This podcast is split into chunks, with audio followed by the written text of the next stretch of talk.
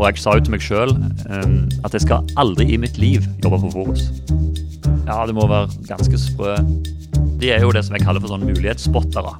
Istedenfor bare å se problem, så ser de mulighetene i alt de holder på med. Føltes jo litt sånn som gjøglerne når de kommer inn i Vikinghallen og skal underholde kongen. Jeg var med å starte Norsk Elendevagenklubb da jeg var eh, 18 år og ei uke. Bak fasaden med DJ og Rønne. En podkast fra Estate Media. Ja, velkommen til Bak fasaden med DJ og Rønne. Og denne gangen blir det en litt annerledes uh, sending. Vi er i Stavanger i forbindelse med et uh, bransjearrangement som Estate uh, har her. Og jeg er nesten helt alene i dag, da Silje er hjemme og tilbringer tid med sin unge datter. Men jeg har jo en gjest. Eller jeg er gjest fordi jeg er hos Fomo Works, coworking-satsingen på Forus. Og jeg har med meg Magnus Øgård Meisal. Han er gründer i Fomoworks. Og veldig hyggelig at jeg fikk lov å komme hit og besøke deg. Jo, velkommen skal du være. Takk, takk.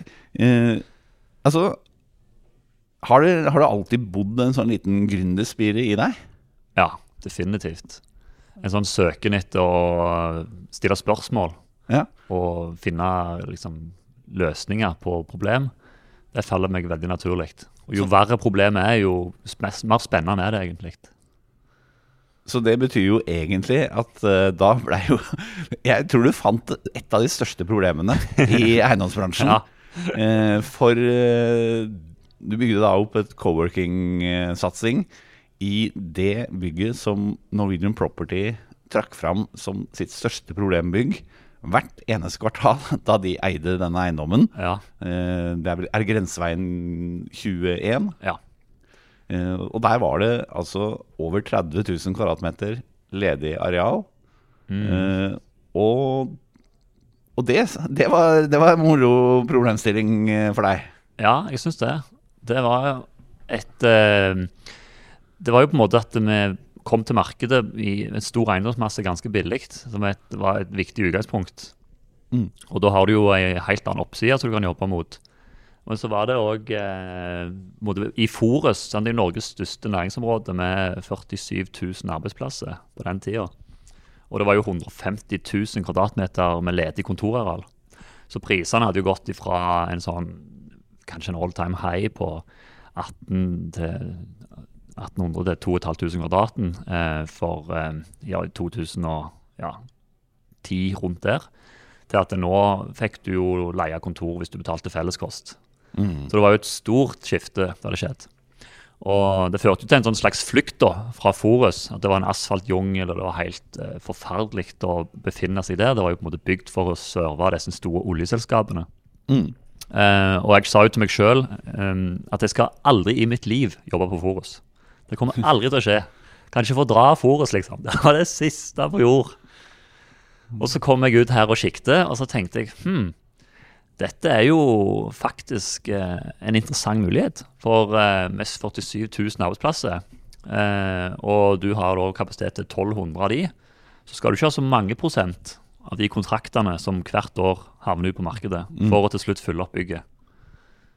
Så det var liksom min approach, da. At eh, hvis du bare da hadde et av de tre beste konseptene i, Ja. på Forus, så ville du alltid være blant de som ble vurdert når selskap skulle ut og lete etter ny kontrakt på Forus. Og siden det var så mange mennesker her allerede, så var egentlig markedet sinnssykt stort. Ja. Selv om alle andre fra utsida så på det som et kjempedårlig marked. ja, interessant. Eh, Men, men hva er da FOMO? Eller FOMO Works? Det står jo for Fair of Missing Out. Eh, men uh, noen ganger når folk spør, så pleier vi å si at det står for Forus Motherfucker. For det, at, eh, det er litt sånn den holdningen uh, vi, ha til, vi hadde til Forus. At det her går det faktisk an å få til noe.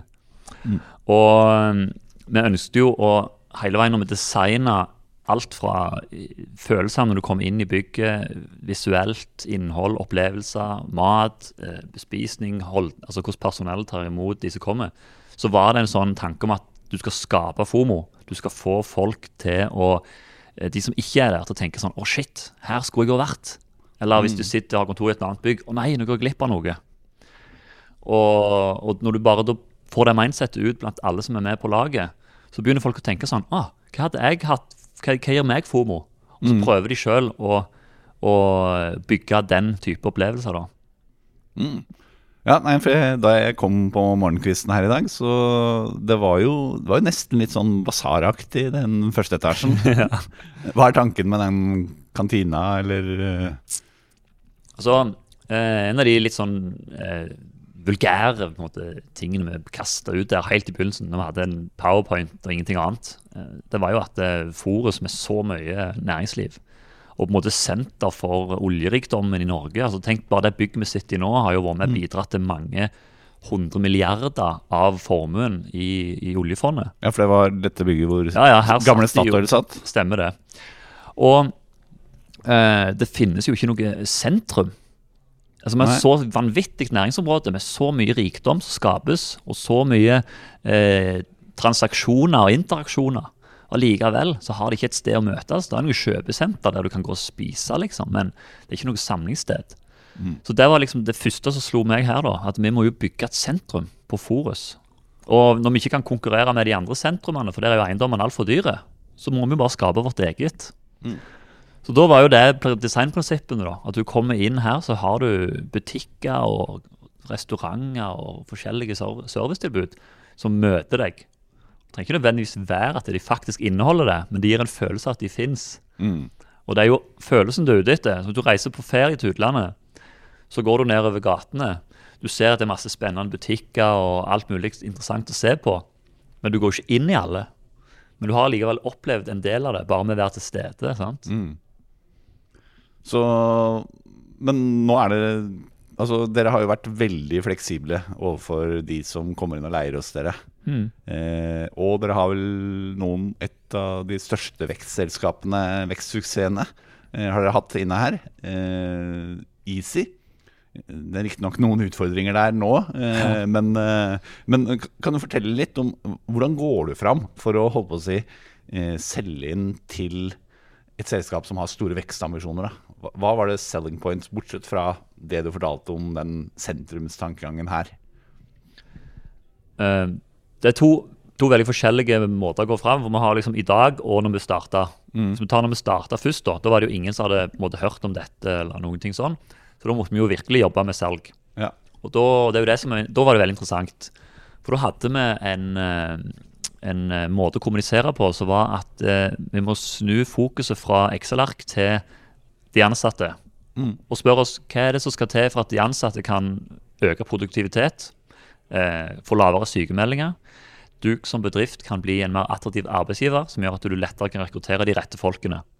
For det, de tre elementene tror iallfall jeg er veldig avgjørende for at et selskap skal kunne skalere. Og når du driver en co-working, så er du litt avhengig av at selskapene som er hos deg, skalerer. For det er jo det som underbygger behovet for fleksibilitet. Så det å klare både å finne de selskapene da, og ha et selling point som gjorde at de så at dette var viktig, men òg bidra til at de faktisk klarte å skalere, det var helt essensielt. Så, eh, så det var den salgsmetodikken vi brukte til å begynne med. I dag så har jo ting endret seg veldig, for nå har vi jo eksistert i tre år. Og nå er det jo alle som sitter her, som selger FOMO. Så vi har ingen kalde salg. Vi ringer aldri noen og bare 'Hei, du, er du på leting etter kontor?' Det har vi ikke gjort. Faktisk helt siden vi åpna dørene, så har vi ikke gjort det. For vi får så mye henvendelser av folk som kommer eh, og vil, vil sitte her, at det, vi trenger det ikke. Og jeg har et konkret eksempel. Det er selskap som sitter kanskje på Østlandet eller i utlandet og vil etablere et kontor i Stavanger. Så finner de sin første ansatt, så spør de ja, hvor skal vi ha kontor. Og da er ofte eh, svaret at eh, jeg vil være på FOMO. Hvis ikke jeg får være på FOMO, så har jeg ikke lyst til å begynne, nesten. For jeg vil være en plass det er et spennende miljø. Og så har vi eksempler på selskap der de har gitt eh, oppgave til å gå ut og hente inn tilbud. Og så har jo FOMO vært et av de. Men det har, eh, og det er det de, på en måte, de ansatte selv har ønska. Så har ledelsen sagt eh, nei, det blir for dyrt, eller at det passer ikke, eller hva det skal være. De har ikke lyst til det. Og så kommer de tilbake en uke seinere og sier du, vi fikk eh, lov likevel. Og da ble jeg sånn nysgjerrig. Ja, hva skjedde her? Hvorfor plutselig kommer dere tilbake? Og Det viser seg at de ansatte har sagt til ledelsen at hvis ikke vi får flytte inn på FOMO, så slutter vi. Såpass, ja. Og dette er ganske store norske, anerkjente uh, selskap. Ja, så du hadde blitt helt sjokka hvis jeg fortalte deg hvem det var. Jeg kan ikke si det, men Nei. eh, for det, de har ikke så lyst til å høre det. Jeg får følge, Eh, følge med på hvem som flytter eh, ja. men, men da var jeg litt overraska sjøl. Ja. Men på en annen måte så ble jeg jo ikke det. For når vi er, sant, Som ansatt så har du jo alle sine godene og lønna di og alt dette. Det er liksom måte melk og brød. Men det som virkelig er, betyr noe, det er jo om du kommer på jobb mandagsmorgen og bare har lyst til å se de kollegaene dine igjen, og du har lyst til å treffe de folkene som er på bygget, og du, du gleder deg, liksom. Og, og, og det er ikke alle måte, bygg som klarer. sant? Nei. Men det er, det er litt sånn som man har egentlig i alle byene hvor, hvor folk vil inn til sentrum. Eh, særlig unge, nye ansatte vil ikke være om det er ute på Fornebu, eller om det er eh, da hvor oljeselskapene var eh, i gamle dager her, hvor folk kanskje ikke ville komme på jobbintervju til Shell da de var der. Ja, sikkert. Ja. Og du kan si at eh, Nå kjenner jo ikke jeg markedet på Østlandet så veldig godt, eller det området rundt Oslo som du refererer til, men jeg vil jo anta at det som skjer nå, med Fornebu eksempelvis, Mm. er jo det samme som de har holdt på med på Forus siden det starta. De er på vei til å bygge seg inn i et problem som Mm. ender opp med at du kommer til å få problembygg, sannsynligvis på et tidspunkt, som dette er, Mm. eller var. Eh, for du glemmer, du glemmer å ta med en del viktige parametere når du skal designe disse byggene. Å være god i Bundegruppen er å gjøre andre gode. Mennesker som trives med jobben skaper resultater. Gjennom et godt arbeidsmiljø sikrer vi også gode og trygge prosesser i prosjektene. Det handler alltid om folk. Folkeskikk, orden, lagånd og kundefokus. Folk skaper verdier, og verdier skaper folk. Finn ut mer på bundegruppen.no. Hvis vi ser på Du måtte jo ha noen som kjøpte dette bygget. Ja, Hvor, hvor lett var det å få med noen på det? Ja, altså- og, og, og du være, er, du- må du være litt gæren for å være med på det? ja det må være ganske sprø. Nå jo, var jo ikke jeg en av de tre som eh, Den trikløveren som Nei. var med og kjøpte dette opprinnelig. Jeg hadde jo sittet på gjerdet og fulgt med ganske lenge og så, så at uh, dette var jo et problembygg. Men allikevel å ha tilgang til så mye kontorkapasitet uh, ganske sentralt i, på Forus, da, det var jo så de som en mulighet. Ehm, og de er jo det som jeg kaller for sånn mulighetsspottere. Istedenfor bare å se problem, så ser de mulighetene i alt de holder på med. Og så møtte, møtte jeg disse menneskene da eh, i eh, tidlig, eh, tidlig 20, 2019. Og de tok meg med inn her og viste meg rundt. Og så, eh, så var det liksom sånn Shit, dette var jo et gigantisk bygg. Men jeg merker at de var liksom entusiastiske til mulighetene. Og at her kan vi få til sånn, og her kan vi få til sånn. Og de kom med masse ideer. Så sånn, ah, dette er mennesker jeg kunne tenkt meg å jobbe med. De har liksom litt de samme verdiene som jeg har sjøl, en måte å tenke på, og sprø nok til at det, alle disse galne ideene faktisk kan realiseres. da. Og min erfaring fra tidligere var jo co-working. Eh, var med å starte Innovation Doc. Men da var jo en helt annen format, mye mindre skala. Men de menneskelige faktorene som er på å, å bidra til å lykkes, da, er jo de samme, bare her forstørra. Og så klarte jo de etter to og et halvt år med å sitte på gjerdet til slutt å få kjøpt denne porteføljen av eh, Enpro. Og det var jo en ganske stor transaksjon som var veldig kompleks. som skal ikke gå inn i det, men det var jo mange bygg som er i den transaksjonen. Ja. Men der at dette var en av de. Så fikk de solgt vekk alt det andre, og så satt de igjen med grenseveien. Og så trengte de noen unge til å være med og, og kjøre i gang. Og da var det jo jeg og Daniel Sandvold, som var min makker, han har blitt, ble kjøpt ut nå i, i høst, som skulle måtte dra dette videre, da.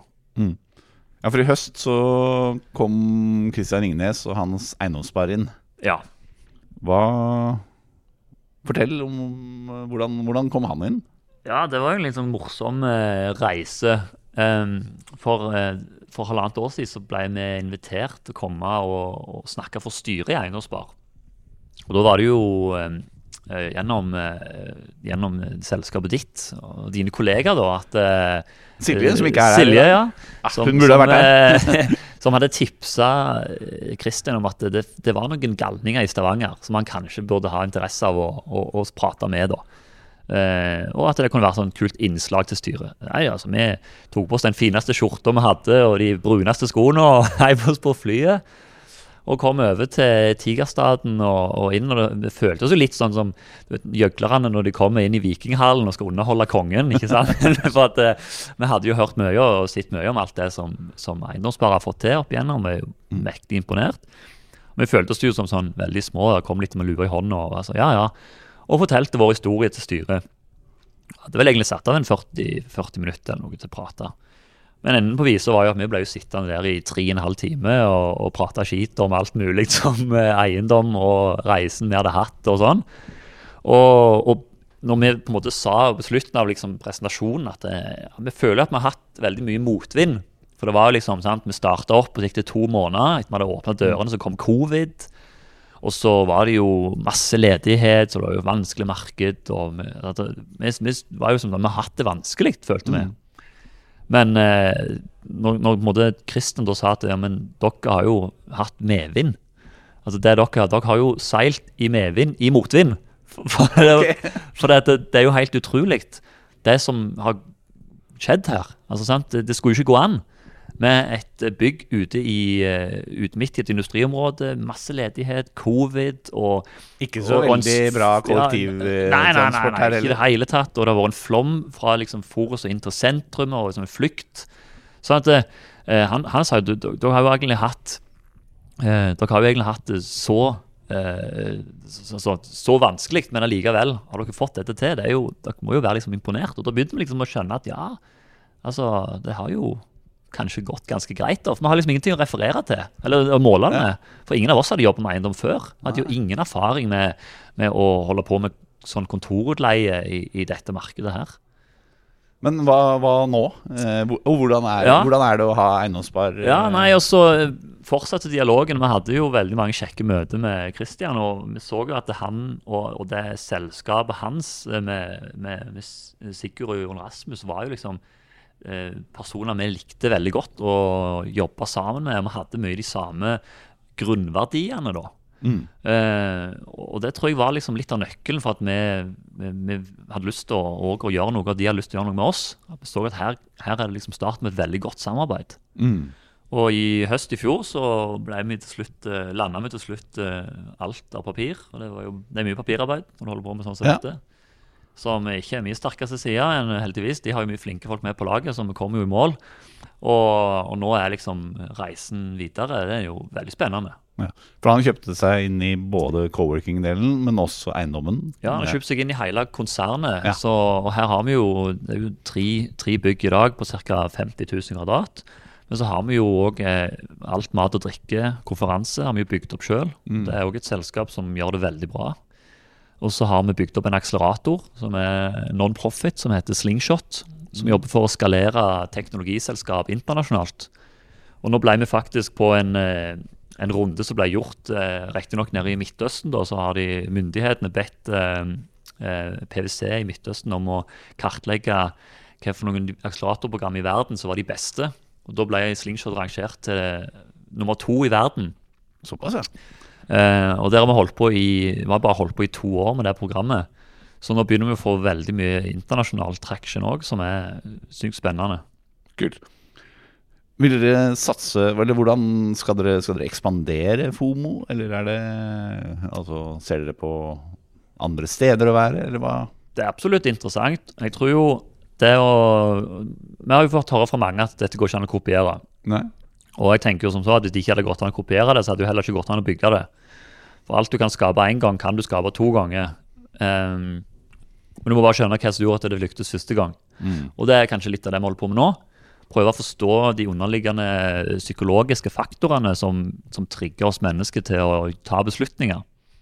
For det ligger helt andre beslutningsgrunnlag eh, i bånn når folk velger å flytte inn på FOMO, enn det som har vært beslutningsgrunnlaget som har ligget sånn som ting har vært før. Det er blitt et nytt eh, Altså, vi har jo endra litt spillereglene Mm. eh, i forhold til den eh, vurderingen som ble gjort da. Og det kommer til å påvirke markedet, garantert, i tida framover. Og det går på, måte, hvordan du skaper trivsel i bygg. Hvordan kan du bygge fleksible kontrakter som gjør at selskapene kan ha en forutsigbarhet i forhold til fleksibilitet. Hvordan kan du rigge bygget ditt og kunne møte den fleksibiliteten. Um, og hvordan kan du bygge en organisasjon som kan håndtere det. Og IT-system i bakhånd som kan håndtere alt de endringene. Så mye av dette har vi jo bygd sjøl, fra scratch, og jobber masse med. Så det er jo kopierbare faktorer. Um, men eh, den, den største utfordringen er jo selvfølgelig å finne eiendommer som lar deg få den graden av fleksibilitet som vi har her, pga. volumet. Ja, for du risikerer kanskje når du kommer med et, et så vellykka konsept, så, så vil jeg tro at uh, leieprisen ikke blir like gunstig som den er før folk kjenner konseptet. Ikke sant? Og nå starta vi sist, denne måneden FOMO Design, som er et eget nytt AS. Og vi har fått ansatt ei som heter Siri, som har jobba som designleder på Ikea og hatt eh, ansvar for hele designavdelingen her lokalt. Um, så hun begynte hos oss nå og skal bygge opp dette selskapet til å ta den kompetansen som vi har lært oss å anvendt her i, i FOMO, inn i det selskapet. Kunne anvende det for å hjelpe andre leietakere hos oss og, og, med andre bygg. Så nå har vi et bygg på andre siden av veien her på 15 000 kvadrat, som vi skal gjøre en fomofisering av nå. Eh, Er det da- tomt? Nei, det er ikke tomt, men det er 5000-6000 kvadrat ledig, da. Ja. Eh, Men det at det ikke er tomt, er også interessant. For da skal du gjøre en transformasjon av et bygg med leietakere. Og det slapp jo vi her. sant? Vi kunne jo mer eller mindre bare gjøre som vi ville. Og de som kom inn, de måtte bare forholde seg til det som vi holdt på med. De kunne ikke bestemme noe. Men når det sitter folk i bygget fra før, så er det litt andre spilleregler. For da har du jo den der Du har liksom bygdedyret i ditt eget bygg, sant? som du skal forholde deg til. Og det, er en, eh, det blir en litt ny sjargong for oss. Så det blir interessant og spennende å lære hvordan vi kan håndtere det på en god måte. Med Life at Work fra VNI er alle byggtjenester samlet i én løsning. Med én og samme app for alt av adgangskontroll og parkering. Til booking av møterom eller matbestilling kan du som gårdeier ta grep om dine verdier og skape en enkel og sømløs hverdag for dine leietakere. Finn ut mer på veni.no. Hva er, det, hva er det egentlig som Hva er det som driver deg? Hva er drivkraften din? Altså, eh, jeg syns det å utforske det ukjente er jo for meg sykt spennende. Og det er jo masse her når det gjelder eiendom som vi ikke vet. Jeg skal gi et eksempel på, på akkurat det som jeg synes gir en veldig sånn, et godt bilde på det. Eh, så jeg fikk høre En historie jeg fikk høre på tirsdag av en. Han, han sa at hunden hans han sa at når det kom et fly, eh, så bjeffa han på flyet helt til flyet forsvant. Samme hvis det kom en bil eller en syklist eller et eller annet. Og for hunden da, så, så bjeffer han jo på dette som er skummelt, for det er ukjent. Og når han bjeffer lenge nok, så forsvinner jo naturlig nok dette, og da tenker hunden at å, bjeffingen eh, var, var det som gjorde at tingen forsvant. Det skumle forsvant fordi jeg bjeffa. Eh, og litt på samme måten har vi agert på eiendomsmarkedet. At vi har bare bestemt oss for at sånn skal vi gjøre det. Og så løser vi problemet akkurat sånn. Og så ble problemet løst. Men det er fordi det er den eneste måten vi gjør det på. Vi har aldri sett ok, kan vi gjøre det på en helt annen måte. Kan vi bare snu alt på hodet? Kan det òg virke? Og det gjør det jo noen ganger. Men hvis du aldri prøver det, så vil jo sannheten din være hver gang at det bjeffer du på flyet, så forsvinner det. Ja. Selv om det hadde forsvunnet uansett. Um, så for meg så handler det mye om, om det å utforske disse tingene, da. Men har du, da har du jo gått på trynet noen ganger, antar jeg? Uh, ja, ja, ja, på en måte. Altså, uh, når jeg var student, så, så hadde vi et prosjekt som heter Mybox. Jeg og en kompis heter Kristoffer. Og det var å bygge studentboliger i shippingcontainere. Og det kulminerte jo i faktisk oppslag i Forbes. Så, og det var jo litt morsomt i seg sjøl, for da ringte jo han journalisten fra Forbes og så var hei, hello, I'm from Forbes og greier. Og jeg bare ja vel, koselig det. Jeg visste jo ikke hva dette var i det hele tatt. Jeg spurte jo Chris hva er det en fyr som ringer fra et eller annet Forbes. Har du hørt om de? Hva er det for noe? Uh, så det er liksom Det var den liksom verden vi var i. Eh, og vi hadde ganske god medvind og fikk førstesida på DN flere ganger. og ikke måte på, og Skulle bygge disse studentboligene i shippingcontainere. Og fikk tilbud fra investorer lokalt. Masse penger. og Takka nei til alt, for vi, dette skulle jo gå til himmels. Og så kom jo 2014 uh, med litt sånn uh, kor eh, korrektur. Uh, måtte lese korrektur på ny i forhold til hvordan ting skulle se ut. Og så jo at eh, markedet endra seg veldig. Plutselig så var det jo ikke mangel på studentboliger. Det var jo overskudd. Og ingen var interessert i å bygge noe, og ting stoppet helt opp. Så det selskapet ble jo til at vi måtte bare til slutt avvikle det. Så det er jo, timing òg er jo selvfølgelig eh, ganske relevant i den sammenhengen. Ja. Men eh, hvordan er inntrykket ditt av de folka i eiendomsbransjen her i Stavanger? Jeg har inntrykk av at det er litt, eh, litt andre typer folk enn eh, eh, i Oslo. Ja, det er det. Det, det tror jeg òg. At eh, mange av de som har gjort eh, så er, så er store i eiendom her, har vel på mange måter starta med andre ting. Eh, og Men litt altså- kremmere? ja, de har vært flinke, da, kanskje teknisk med en eller annen duppedings i olja, ikke sant? Eller at de har sett muligheter. Altså sånn, et av de store aktørene her lokalt på Forus, Seabrokers, de begynte jo ikke sant, med å, å jobbe med helt andre ting. Eh, altså Det er jo Seabroker, naturligvis, Ja. og så var det jo peling. Og så så de at det kosta mye å pele. Vi kjøper en pelemaskin, og så har de bygd seg opp, blitt gigantiske på å, å lage fundamentering, og så har det liksom bare balla på seg. Og vært utrolig flinke til å se muligheter. Og jeg tror det er liksom noe som kjennetegner denne bransjen. At uh, altså menneskene her lokalt, jærbuen, liksom. Altså, vi, vi leter etter plasser der vi kan fikse ting og endre på ting. Så det starter ikke nødvendigvis med at eh, nå har vi penger på konto, nå skal vi gjøre oss rike på eiendom. Det er ikke den approachen. Men hva, hvordan var du eh, når du var barn? Eh, Altså Du sier du er nysgjerrig og alt mulig sånn. Var du liksom Var du sånn kremmer som eh, solgte ting til vennene dine og Nei, jeg var egentlig ikke det. Jeg var sånn, snarere tvert imot. Jeg har vært veldig sånn eh, En sånn eh, eh, ja, sånn giver, mer eller mindre. ikke sant? Det har vært mye frivillig eh, arbeid som jeg har brukt tida mi på. Eh, sikkert mange som lytter på, som kanskje har hørt om Gelendevagen. Det er jo en sånn en børstraktor ifra, som er veldig populær på Østlandet. Jeg var, var med å starte Norsk Gelendevagenklubb når jeg var eh, 18 år og ei uke. Det er Så, da, så da, nå fikk jeg en gelendevagen igjen i helga, faktisk. Nå er jeg veldig fornøyd.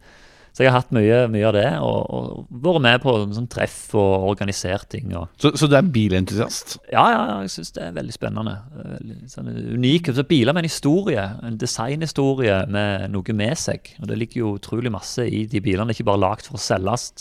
De er liksom lagd med en purpose. Men du har jo masse sånne elbilladerleietakere. Ja, ja. Har, har du elbil? Ja, det har òg. Ja, det var riktig svar. Ja, så, så, så nå, dette er den første fossilbilen på veldig veldig mange år. Jeg har ikke kjørt fossilt siden kanskje 20 eh, Ja, siden Fomo begynte, faktisk. Så. Nei, for det, akkurat det elbilhistorien her i Stavanger er, og, og på Forus er jo ganske interessant. Altså, vi, Ja. ja. vi prata litt om Easy, Ja. og så Du har to andre leietakere i den bransjen, eller? Ja, her, på, her ikke på Forus, altså, men rett i nærheten, da, så har du jo Saptek, Og det nyeste tilskuddet nå er Amina. Mm. Eh, og det er jo ganske interessant eh, at vi klarer å få opp tre så vanvittig bra selskap på så egentlig ganske kort tid. Men sier det noe om regionen? Altså når altså Her kommer jo trøkker hvert sjuende år eller noe sånt, når da oljebransjen har overinvestert og prisene går ned. Ja, altså eh, Jonas Helmigstøl sa jo på en konferanse for ikke så lenge siden at mye av grunnen til at de har klart å skalere så fort, er jo tilgangen på kompetanse fra oljeindustrien. For der er ikke folk redde for å jobbe med milliardbeløp, og de er ikke redde for å ta store beslutninger, for det er det de har holdt på med hele veien. ikke sant? Ja. Du kan ikke holde på med en plattform og så snakke om tusenlapper, for det er jo heller hundrevis av tusenlapper du holder på med. Så, så det mindsettet de kom inn med da, var liksom skalering egentlig var liksom falt naturlig for dem. Og det har gjort denne her skaleringen mulig å, å skje så raskt. Så det har jo om de rette folkene som har vært eh, liksom ekstremt avgjørende. Og veldig mye industrikompetanse, produksjonskompetanse, og da den skaleringskompetansen i tillegg, som har gjort, eh, muliggjort mye av dette. Så har det jo vært flinke og visjonære folk i bånn som, har, eh, som har forståelse for hvordan du skal ta markedet med storm. Så du, du tror på Forus etter oljen? Ja, ja, det er jeg ikke tvil på. Og det tror jeg nok var en av grunnene til at eh, han, Christian og- kom også inn og var med her. At han, han har jo uh, i mye lengre tid enn jeg har levd, sett uh, Forus for det det er, og det som har kommet ut av denne regionen av fantastiske produkt og, selskap, og en skapertrang og en skaperevne her, som er kjempeviktige. Bak fasaden med DJ og Rønne.